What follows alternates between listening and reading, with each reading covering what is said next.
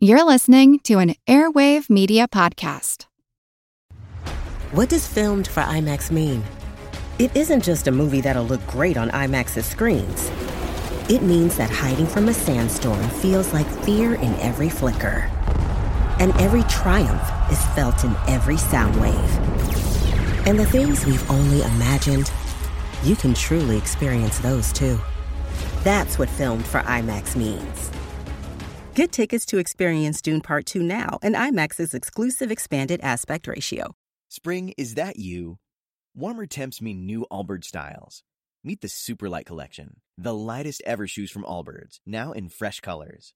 They've designed must have travel styles for when you need to jet. The lighter than air feel and barely there fit make these shoes some of the most packable styles ever. That means more comfort and less baggage. Take the Superlight Tree Runner on your next adventure. Its cushy, lightweight foam midsole supports every step, and the extra outsole traction gives you the grip to just go for it. The eucalyptus fiber upper adds next level breathability to keep you going all day. Plus, the Superlight Tree Runner is comfortable and ready to go right out of the box. So, what can you do in a Superlight shoe? What can't you do is the better question. And because they're super packable, the real question is where are you taking them? Experience how Allbirds redefines comfort. Visit allbirds.com and use code SUPER24 for a free pair of socks with a purchase of $48 or more. That's A-L-L-B-I-R-D-S.com, code SUPER24. This is Kick Ass News. I'm Ben Mathis.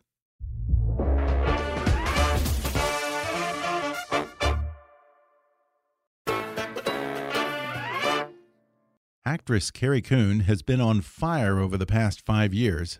She received a Tony nomination for her breakout role in Who's Afraid of Virginia Woolf on Broadway, which immediately led to her role in David Fincher's psychological thriller Gone Girl and her role as a wife and mother who loses her entire family in the highly acclaimed HBO series The Leftovers, followed by more remarkable performances in season 4 of Fargo and season 2 of The Sinner, as well as movies like Steven Spielberg's The Post. Indeed, Carrie Coon tells me today that her career took off so quickly with one incredible project after another that the current quarantine is the longest period that she's spent in her own home, and may be the first opportunity she's had to process the whole roller coaster ride. She says the pandemic feels a lot like revisiting her time on the apocalyptic series The Leftovers, and that fans of that show still tell her that her performance helped them through their own personal tragedies. Carrie reveals how a certain brand of Midwestern stoicism comes across in some of her more intense roles, and how fans and even directors are constantly surprised by her upbeat, easygoing demeanor when they finally meet her in person. She opens up about going blonde for her new movie The Nest, how the film explores the shifting power dynamic of a marriage, and her own unique relationship with her husband, actor playwright Tracy Letts. Plus, she gives us a preview of her forthcoming HBO series, The Gilded Age, and a few of her favorite quarantine movie recommendations. Coming up with Carrie Coon in just a moment.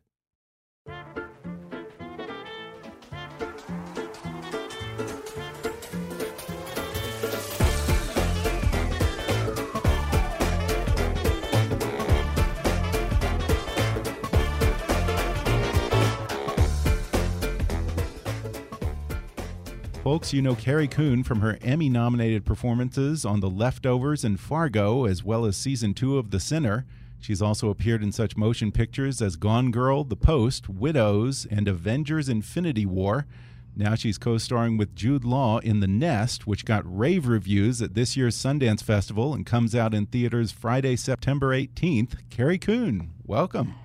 Thank you. Thanks for having me. I'll tell you, I'm a real fan of your work, like many people, and just thrilled to have you on the show. And, and when I found out that we were going to talk, a friend of mine told me that I have to follow you on Twitter. So I, I did. And I love that your Twitter profile lists some of your credits and then says, not on Mindhunter, but I'm flattered. Yes. You, you Anna get that a lot? is beautiful. I do. I get that so much. I was I, I had Really? never I had never met Anna Torv and I hadn't really seen her work because I, I had missed Fringe came during a busy time in my life. And so I started getting all of these questions on Twitter or people saying, "Oh, you're great on Mindhunter." and I just couldn't take credit for someone else's marvelous work. And I know Anna's been asked about it as well. I oh, think really? it was in the New York Times she was interviewed. so luckily, you know, I have a lot of respect for her work and I think she's beautiful. So I feel quite flattered by all of it.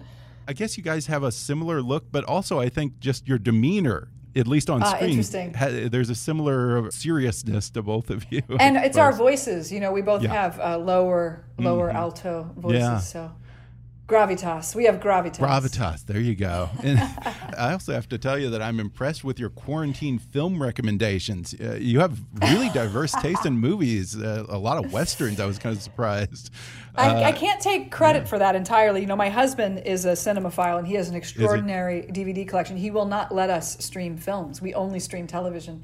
So this has been his dream for years is just to be in our house and watch movies in our basement. But we've both been thankfully very busy and rarely in our house in Chicago. And so this has been, uh, you know, though there's a lot of pain in the world, he's also sort of made for this life.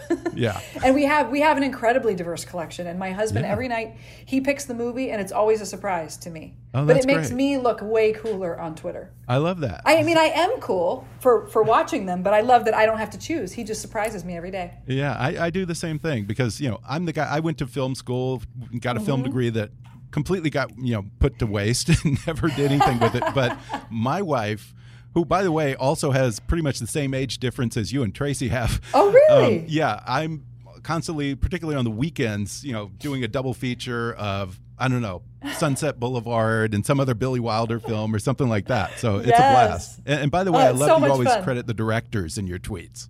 Absolutely, yeah, Yeah. they're absolutely definitely. Yeah, very. I, I wish I would credit the writers too, but since I live with one, but we'll Yeah, keep it simple. It's only 140 characters, so you have to be discreet. Uh, Do you have a favorite film of all time, or maybe even like a top five, or is that too hard? Oh my gosh, that's so hard, of course. Yeah. Especially since I've been watching so many. I loved when I was a little girl. I used to watch old black and white films with my grandparents. That was something I spent a lot of time with my maternal grandparents. There were five kids in my family, and my parents both worked, and so they half raised us. And that was their passion. My grandfather was, his father ran a movie house in Akron, Ohio, and he had done a little bit of acting in community theater. And so I remember loving Cinema Paradiso. That's Oh, one of my grandfather's favorites. Oh, yeah, And. Sabrina, um, you know, just some of those really. Extra- and then I remember watching uh, The Big Night. I loved. I Oh, thought that was a really lovely film. So my grandpa had really good taste in movies, Yeah. and and and lately we watched um, the Lucrecia Martel film Yam Yama Gama Yama. Oh, yeah, yeah. Sorry, I have Yeah. a toddler. I have no proper nouns left anymore. But and that was such a wild fever dream of a movie. And I've Yeah. just discovered some. My husband's really good at balancing the female directors with the male directors, the diversity, and we just have a really great Very collection. nice. Uh, you know what? Can I ask you about Sabrina because I just showed my wife Sabrina. I don't know, maybe a month ago, and it was, Mm-hmm. it's always been one that I've loved. One of my favorites. Is just everything about it I adore. But seeing Mm-hmm. it from a woman's perspective, post Me Too, she's Sure. like, "What the hell is this?" She's getting passed around from brother to brother, and then they're trying to like ship her off and buy her off. You know, this Yeah, bunch of rich she's not wrong assholes. about that. And she but you know, I grew all. up in the Midwest, so I didn't know any different. You know, I thought I was going to grow up and get married and have a bunch of kids. That's just sort of what people did, and so I completely understand. It's so interesting, isn't it, that we're we're having this reframing of everything that we're watching. And COVID, you see people kissing or shaking hands, and you think, oh no, don't don't get so close. so it's it's it is interesting to revisit those films, and you know, I'm of a mind too that it's important. These are all part of our canon a canon that is now expanding as filmmakers are getting their due. Yeah. And and it's it's all instructive. And you know, we can't just I, I think we can't just pretend like those things don't exist and that they weren't part of who was who was telling stories. You know, there's something there's a lesson in Mm-hmm. That. Yeah, speaking of COVID life, what's it like being an actor right now? I mean, obviously, there's no theater. Film and television production is still pretty much at a standstill. Uh, Do you Mm-hmm. worry that muscle might get weak, or do, do you and Tracy sit around doing mirror exercises? How do you Well, keep no, that going? we've never. Tracy's not classically trained, so he's not particularly interested in the mirror. But uh, we, you know, what it really is for us is devastating and heartbreaking. Mm-hmm. Not necessarily for us personally, because Tracy and I are at a place in our careers where it's very likely we're going to be able to continue to work when this is over. In fact, I'm going to be part of one of the first productions coming back in New York for TV and film. But our friends are hurting you know all of the people we know are actors and frankly waiters they most of the people we know lost two jobs not one or nannies and and so our our we're we're going to see a lot of attrition we're, we're going to see a lot of people who just have to leave the business because they can't survive And you know, I have a young woman working with me who had three theater contracts and they're gone. They're all gone now. Really? And 75% if we're lucky of those theater I mean, they're not coming back. Theaters are going under Yeah. and new theaters will come out of the ashes, and younger voices will will take over the movement. I know that's true because life will out, and the, and art will always happen, especially when times are challenging. But we're we're just grieving a lot of loss right now, and then of course facing a lot of uncertainty because uh, going back to a set is a big experiment, and it's just Yeah. not the way we're used to working. We don't get to interact with each other. Yeah. Uh, are you still getting a lot of scripts, or is the industry kind of at a wait and see mode? Do you, do you still get offers, or how does that work right now? Yes, I think everyone is operating from a very hopeful place. So there Mm-hmm. are a lot of, for example, I'm mostly reading independent film scripts, Mm-hmm. but independent films can't get insurance right now. So no independent Right. films are going. Yeah. They can't get insured. They can't afford it. So um, it's all very aspirational. So it's nice to, to read them, and I actually have time to read now because, Yeah. well, I have a two year old, so I don't have a lot of time. But, um, but it's nice to be able to weigh those things, and, and you just don't know what's going to be real. Mm-hmm. You know what's going to be real and what's going to Yeah. Uh, by the way, away. by the way, you were terrific in the scripted podcast Motherhacker, and I wonder Oh, with everything going on right now, are you are you considering a lot more podcasts than maybe you did before? Because that's Hmm, that's something you, that's I- I- self-contained. you can do it at home right now. Yes, you can now. One of my friends who works at Gimlet actually devised this amazing home recording kit, and she's been able to continue producing uh, while the pandemic is happening and putting together some really extraordinary projects. So it is it is astonishing what the technology affords us. And I always laugh when people say, "Do you think you might do some of that?" Because actors have always been in the gig economy. We're always Right. like, "I will do anything that will pay me. I will say yes to anyone who wants me." Right. And so, of course, I will. you know, it's it's wonderful. What's what's nice about the podcasting world is that you can play against type, and that it's not about what you look like. And so, um, it's really a it's really a voice actor's medium. And there are voice actors who've been doing this stuff for decades in advertising and cartoons, and and they have a it's a very particular skill set. So, uh, I I admit that I'm.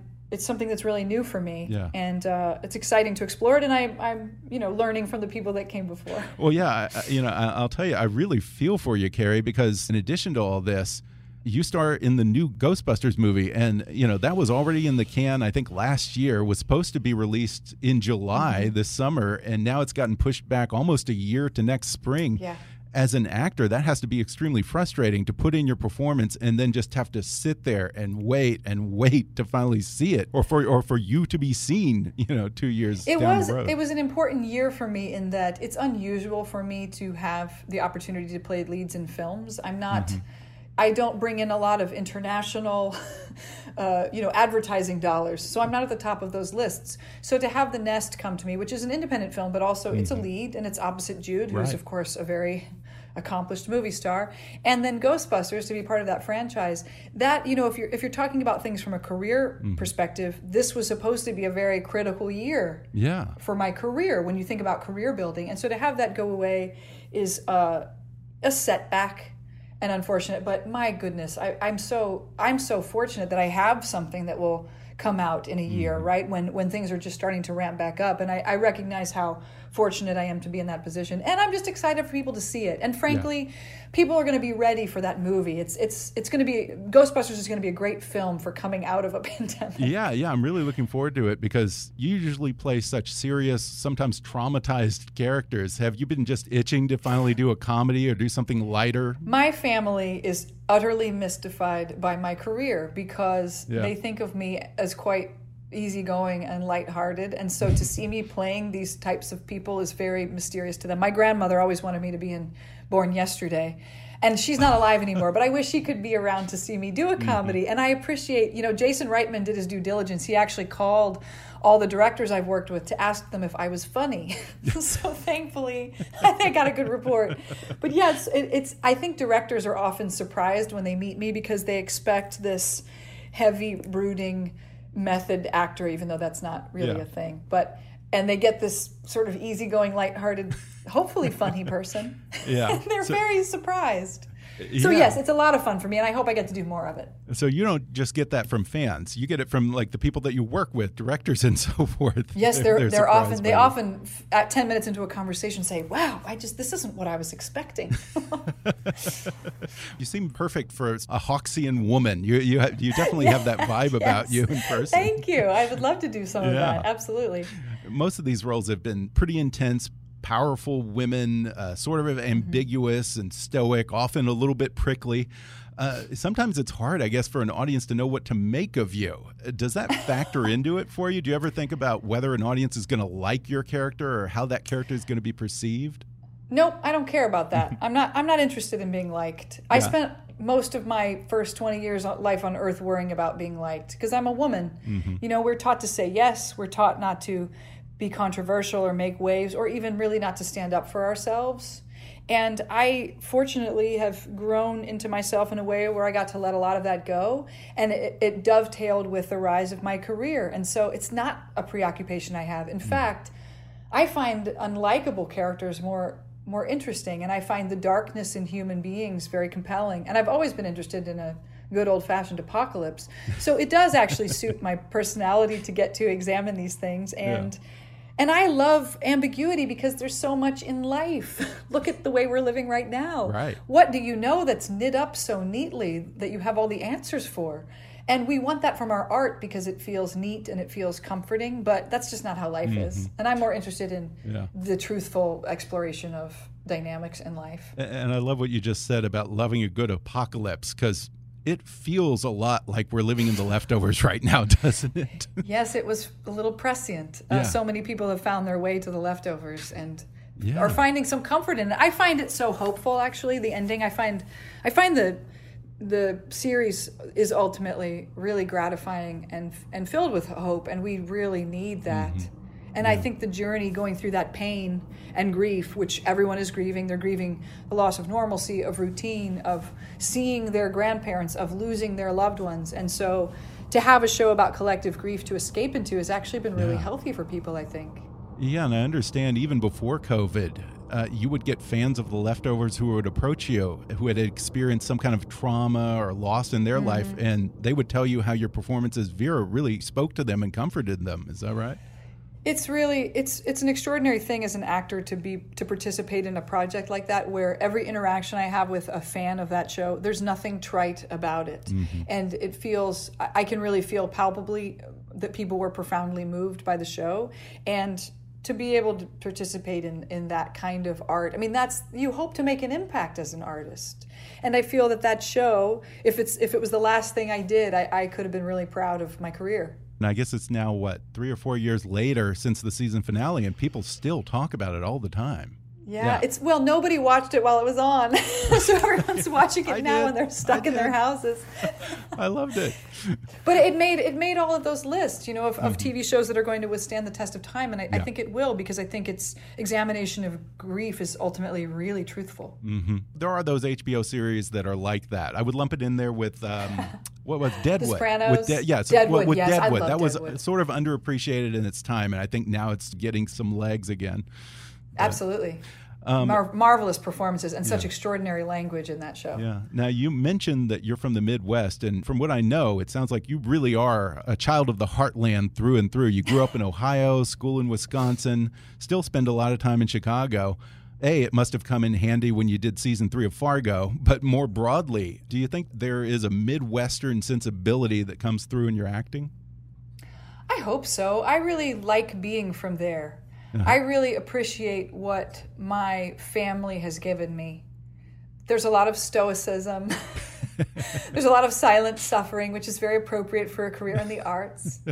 There's and there's perseverance. You know, there is mm-hmm. a real sense that hard work actually accumulates. Mm-hmm. And in in a place like I think Chicago is one of the few cities where as an artist when I came when I was coming up through the ranks here that that was true that actually putting in your time yielded and I don't think it's true in LA or New York. Interesting. So there is something about the Midwest where you you are rewarded for committing to something. Yeah. And and also yes, it did help with Fargo because the accent you know accents move from west to east. And so the that fargo accent was already moving into wisconsin. And now you hear it in ohio actually. Really? and so yeah i was absolutely prepared after three years in madison to do that dialect. I remember being in a shoe store and really early in my tenure there and a woman behind me said oh for cute. And i couldn't believe that it was real but it absolutely was.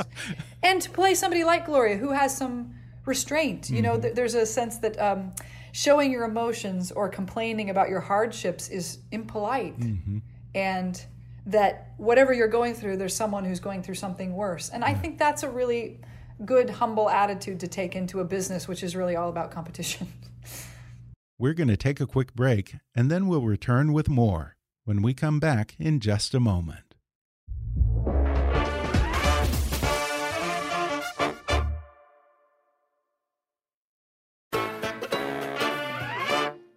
Now your career has just been completely off the charts over the past five or so years. Uh, Who's Afraid of Virginia Woolf transfers to Broadway to huge acclaim, and it sets off this incredible run that's still going with The Leftovers, then Gone Girl, or, or I think at the same time, then Fargo, The Post, Sinners, uh, Avengers, all these incredible performances in excellent projects and in such quick succession. I kind of wonder if the pandemic may be the first opportunity that you've had to actually catch your breath and really process this whole roller coaster ride. That is such a great point. Um, in a way, it is. In a way, it's the first, it's the longest I've ever lived in my house, Really? which is gratifying. yeah. And as you know, because you have a six month old, there was a time when my child was born that did feel like a step away from everything, but there was no time to process what had been happening because I was processing suddenly becoming the mother of a human being, which Yeah. is its own existential reality. And I also went back to work when he was eight weeks old. So that was a very, that was not a very long break. Wow. And I have to say, my husband and I do appreciate we it gives us some perspective that we've been so fortunate. We have both been working almost nonstop since we got married, you know, since Virginia Woolf, which is unprecedented. I mean, that's an extraordinary accomplishment. Yeah. And I haven't I haven't had a period in my career where I haven't worked. Now, I haven't always been working in the same medium, but even when I was starting out in the theater, I was working consistently in the theater and basically making a living as an artist, which is such a privilege. And it's nice for us to step back away and feel grateful and understand that the business is also going to start shifting around us hmm and that we are we're also able to recognize that we're going to step aside sometimes and make room. There's room for everyone, Right. but the industry hasn't always been good about carving out space, and we get to now participate um, as producers and as um, you know people who have a stake in projects in, in how the business changes, and we're looking forward to participating in that. mm -hmm. Now, you've kind of throughout your career joked about the fact that you get a lot of grieving mom scripts. yes, all the time. really? and some of them are lovely, just Yeah. wonderful. A, a lot of independent films. I get a lot of independent film offers because those are the kind of filmmakers who like The Leftovers and Fargo. There's a mm-hmm. particular taste that, and, and I'm so grateful that there are people who are exposed to my work. I just can't do them all. Yeah. And it's true that in Hollywood you get typecast, and people think of you when they think of that part and the person they want to play it. It's flattering to be thought of, but as an actor, it's not necessarily challenging to do it over and over again. And also, I think it speaks to uh, a limitation about stories that involve women. hmm It's often having to do with dead children, divorce, um, just sort of pretty domestic problems. And the women I know actually face much more, not that grieving isn't complicated, but their lives are just a little bit more uh, full than that. I mean, the stories are a little more unique than that. And so I'm always interested in, in something that's going beyond what I've already done or what, hmm what society expects women's stories to be about. Which is one of the reasons I like The Nest because it was about an egalitarian marriage. It wasn't about divorce. Yes. It wasn't about, you know, a dead child. It was just about the dynamics of marriage. Uh, yeah, I've heard you say that women's roles on TV are far more interesting than what you get offered in film. But in The Nest, you play a very strong, wonderfully nuanced character. So I wonder if you feel things are changing, or is The Nest still the exception rather than the rule? I hope things are changing. I think because there's so much content in television and so much money, their networks were able to take more risks. And let's face it, the film industry is so much about franchise. I mean, Right. I'm part of one that it's really Yeah. pushed out that mid level of film. We don't have that that 10 million dollar that 20 million dollar film it's really unusual that 5 million dollar film Mm-hmm. we have these bare bones indie films and we have these giant tent poles Yeah. and that sort of great fruitful time in the 70s and 80s there's no funding for that anymore and i feel like tv is actually what's filling the void so so many people who would have been writing independent film in the 70s are writing for tv and that's why we're seeing television change faster than Mm-hmm. film and there's just more room there's more room in the tent so you're Right. seeing even movie stars coming to do tv because it's more interesting for them Mhm. and because women's roles have historically been supporting roles in films it's rare for a, a female led film to to break out in the award circuit and tv kind of gives us more room for that. So i hope it's going to push film in that direction but the tentpole films are eating up all the real estate. Yeah. but the pandemic might be shifting all of that Yeah. Yeah. Definitely. Nothing is going to be the same once this is over, mm-hmm. especially no in the industry. it's the wild west Yeah. Now you do play a mom in the nest, but a very different kind of mom. And, and I'm curious now that you are a mom and have that experience of constantly worrying about just keeping your child alive and healthy, does that make it any easier for you to play a mom and tap into those emotions? Oh, it's so funny. I thought there was going to be a magic mom button where when I thought of, you know, that if I needed to cry or something, I could just think of the terrible, the devastating, just tiptoeing toward harm coming to my child. Not to exploit him, but, you know, it's just the reality of what you have to do as a Yeah. woman who's acting. Yeah. And uh, it just, it's not like that. I, I actually found that even the process of getting to know a, a child is, it's not different than getting to know anyone else. And as I've gotten to know Haskell, I love him more and more. And so going back to work right away as a mom was more just about being tired and unprepared and less about being a mom, you know? I'm sure there is some fundamental shift in me that maybe if a mom is watching my work pre-child and post-child, they might be able to feel something palpable that's different. Um, but I don't know. I guess that would have to, I would have to leave that to other people to decide. Yeah. But yeah, there's no magic button that made me better at it. Yeah. Playing moms, it's still hard. Well, I really did love The Nest. I, I think it's one of the best movies this year, and, and I'm glad that it's getting a video on demand release in November because I think it could be a real Oscar contender.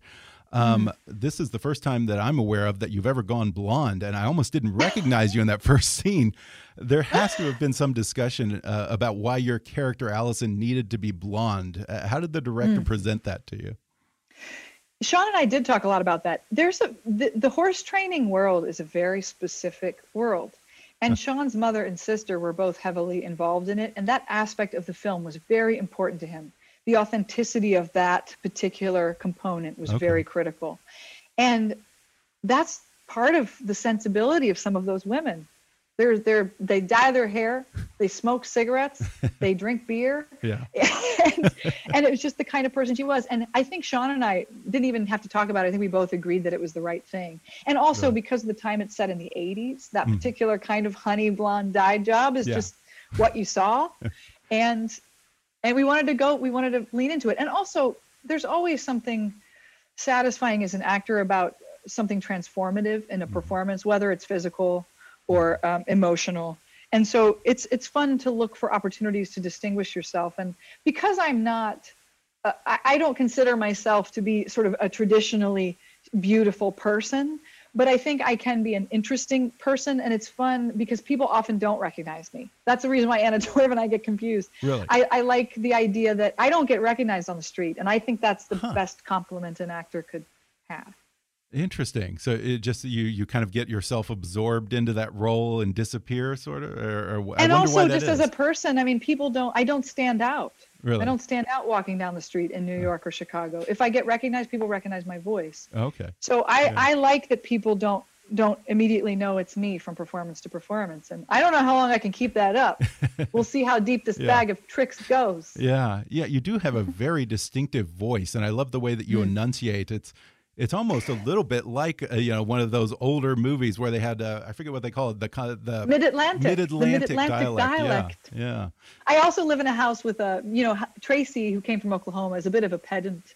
He, you know, he, there was a meme going around after the Lady Bird movie where he says Doritos. Yeah. He's the only person that uses a medial T in the word Doritos. and uh, I find myself aware of my, because he teases me when I smush together my guns. Oh, that's so funny. And we have a son now who's learning to speak, and my son is My sons, you should hear his T's. They're so Yeah. crisp. Oh, that's perfect. I I don't know why, but for for whatever reason, I deliberately pronounce Doritos like your husband does, just to annoy my I wife. you. oh, good, good. Yeah. I don't- That's- yeah. I mean, those are some Nothing of those else, those unwritten rules of marriage, just like what the nest is about. Now, now, do you do your own riding in this movie, or are you a trained horse rider? Oh, oh, I had to train. You know, I grew up on on a an, an old non-working farm. I grew up in a rural area, and we actually had horses across the street, but they were these old quarter horses that you just rode around in a circle with no saddle. So mm-hmm. no, I had no formal training, and it was lovely. The production, because it was so important, so important to Sean, they were very supportive of that mm-hmm. training. So.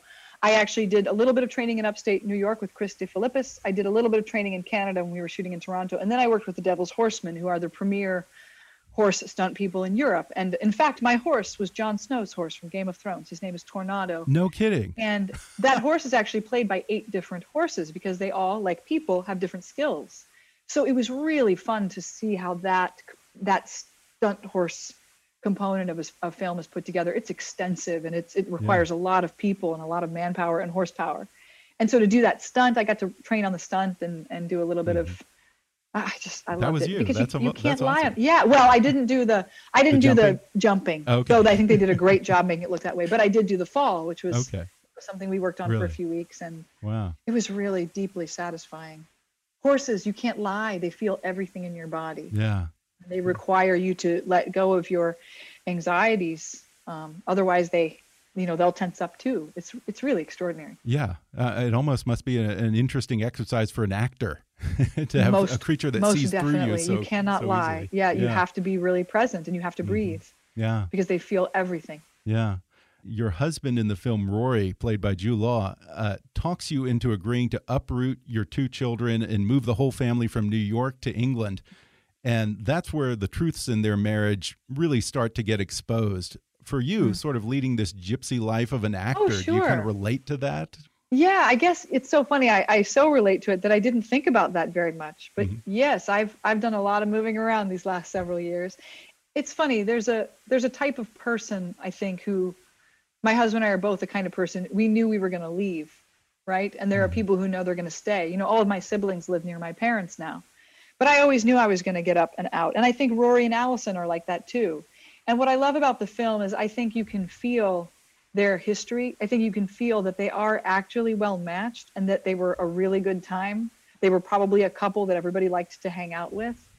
And and it's only as their lifestyles have shifted that some of these patterns have become aberrant and they have to remake these agreements. And I think marriage is about those renegotiations. And they're not always explicit conversations. Sometimes you're negotiating in much more subtle ways. And, I- and I love I love how Sean is exploring that in the film.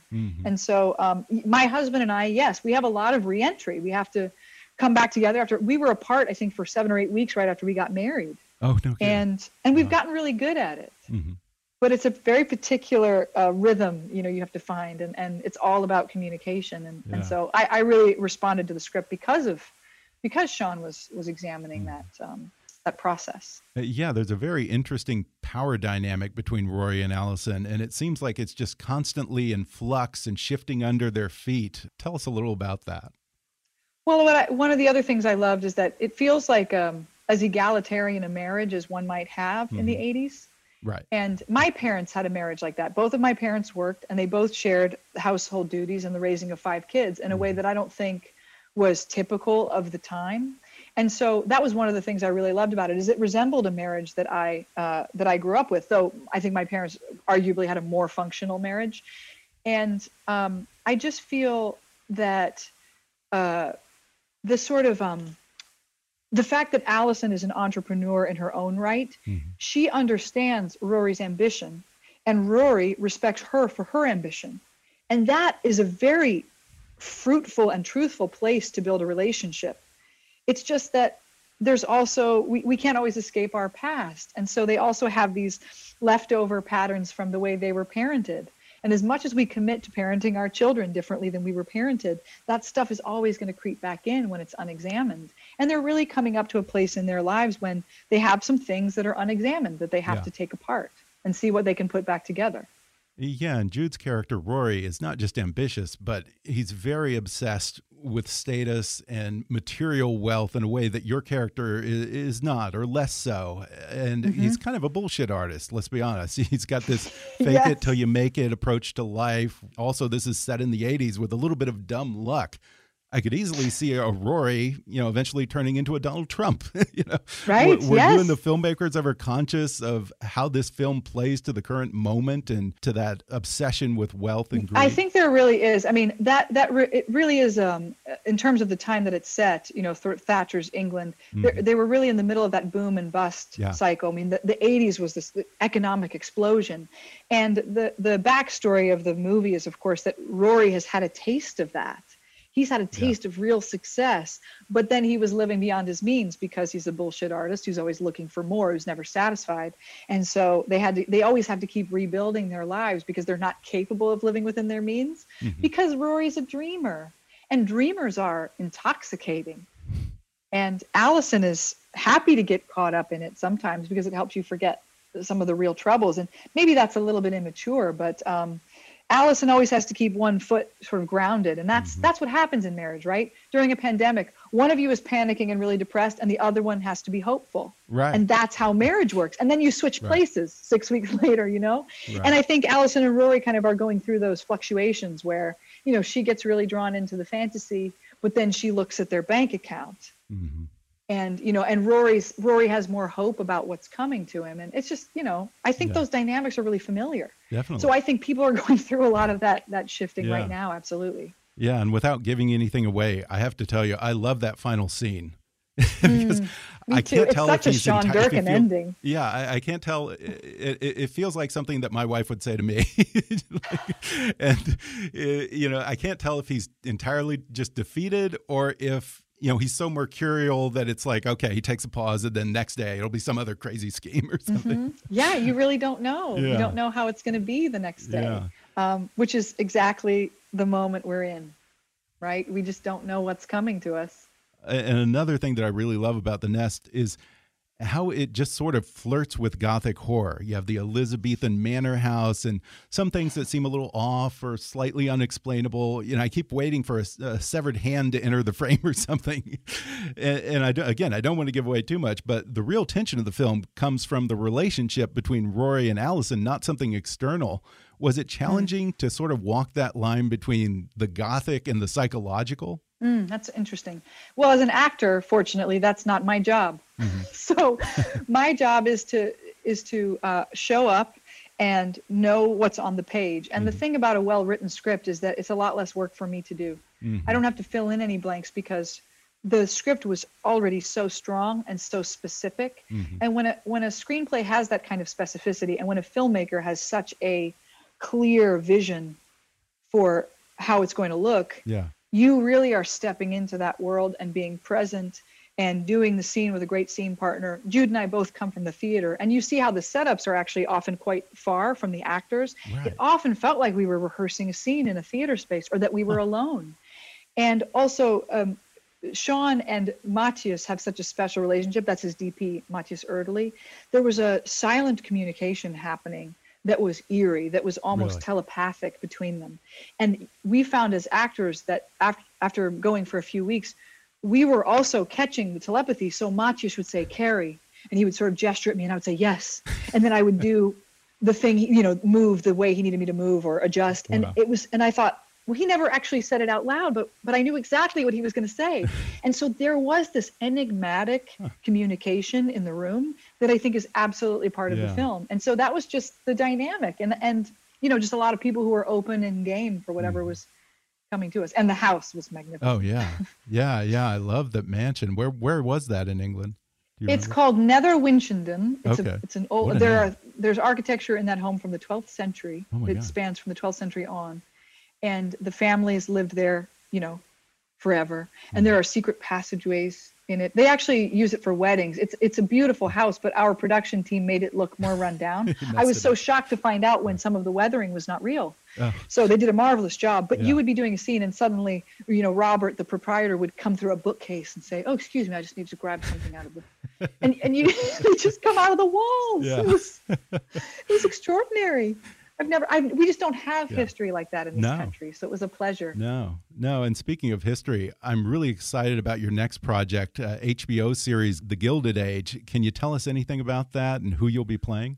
Sure, I can tell you that Julian Fellowes is at the helm. Uh, Wow. he obviously, you know, he was the the creator of Downton Abbey, and he's he's very good at what he does. Mhm. And we've also, you know, the show started at NBC and then it was acquired by HBO. So the scripts underwent a, a kind of overhaul to make them more suitable to the HBO audience.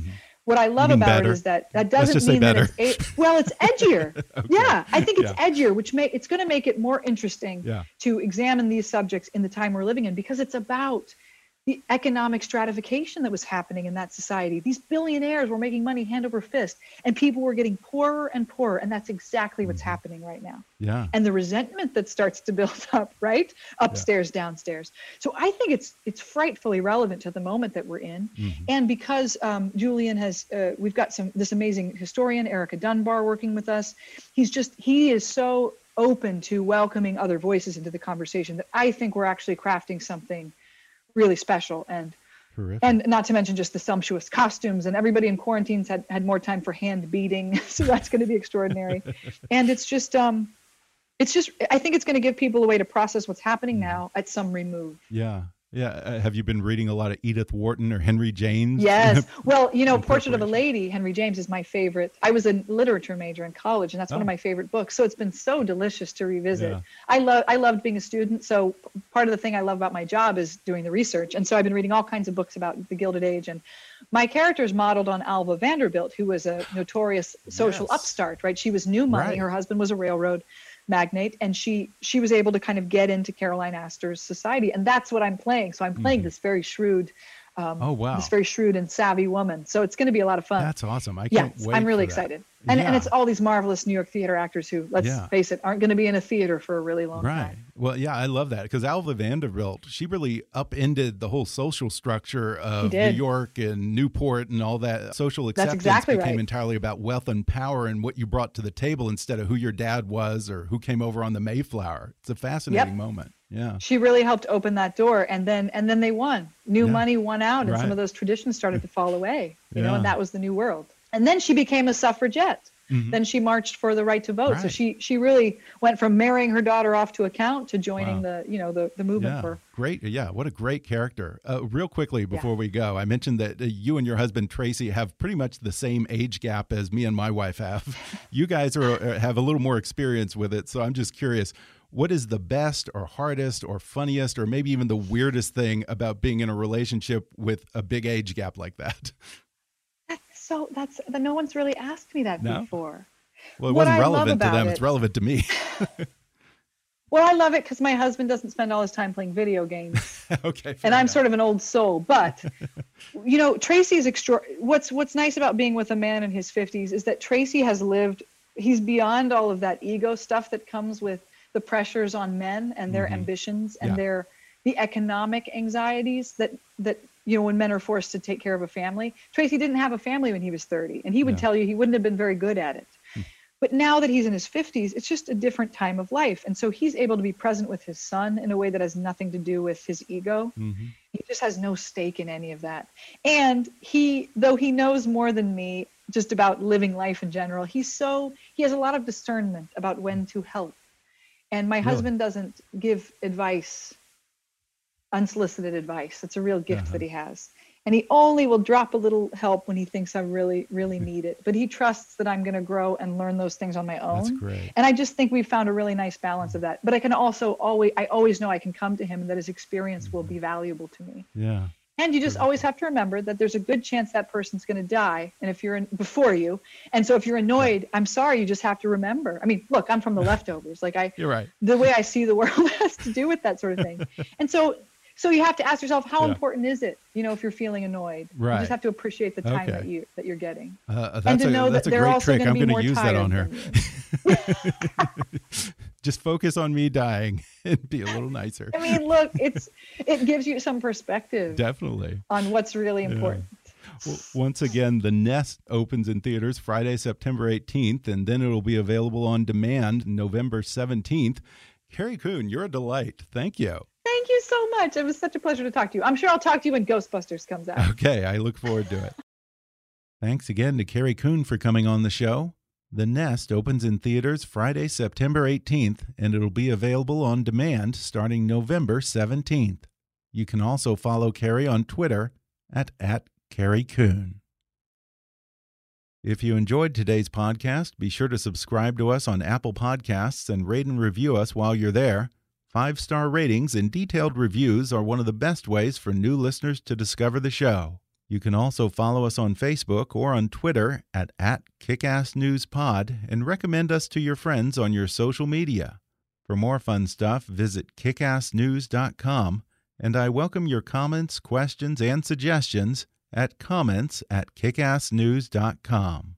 For now, I'm Ben Mathis, and thanks for listening to Kickass News.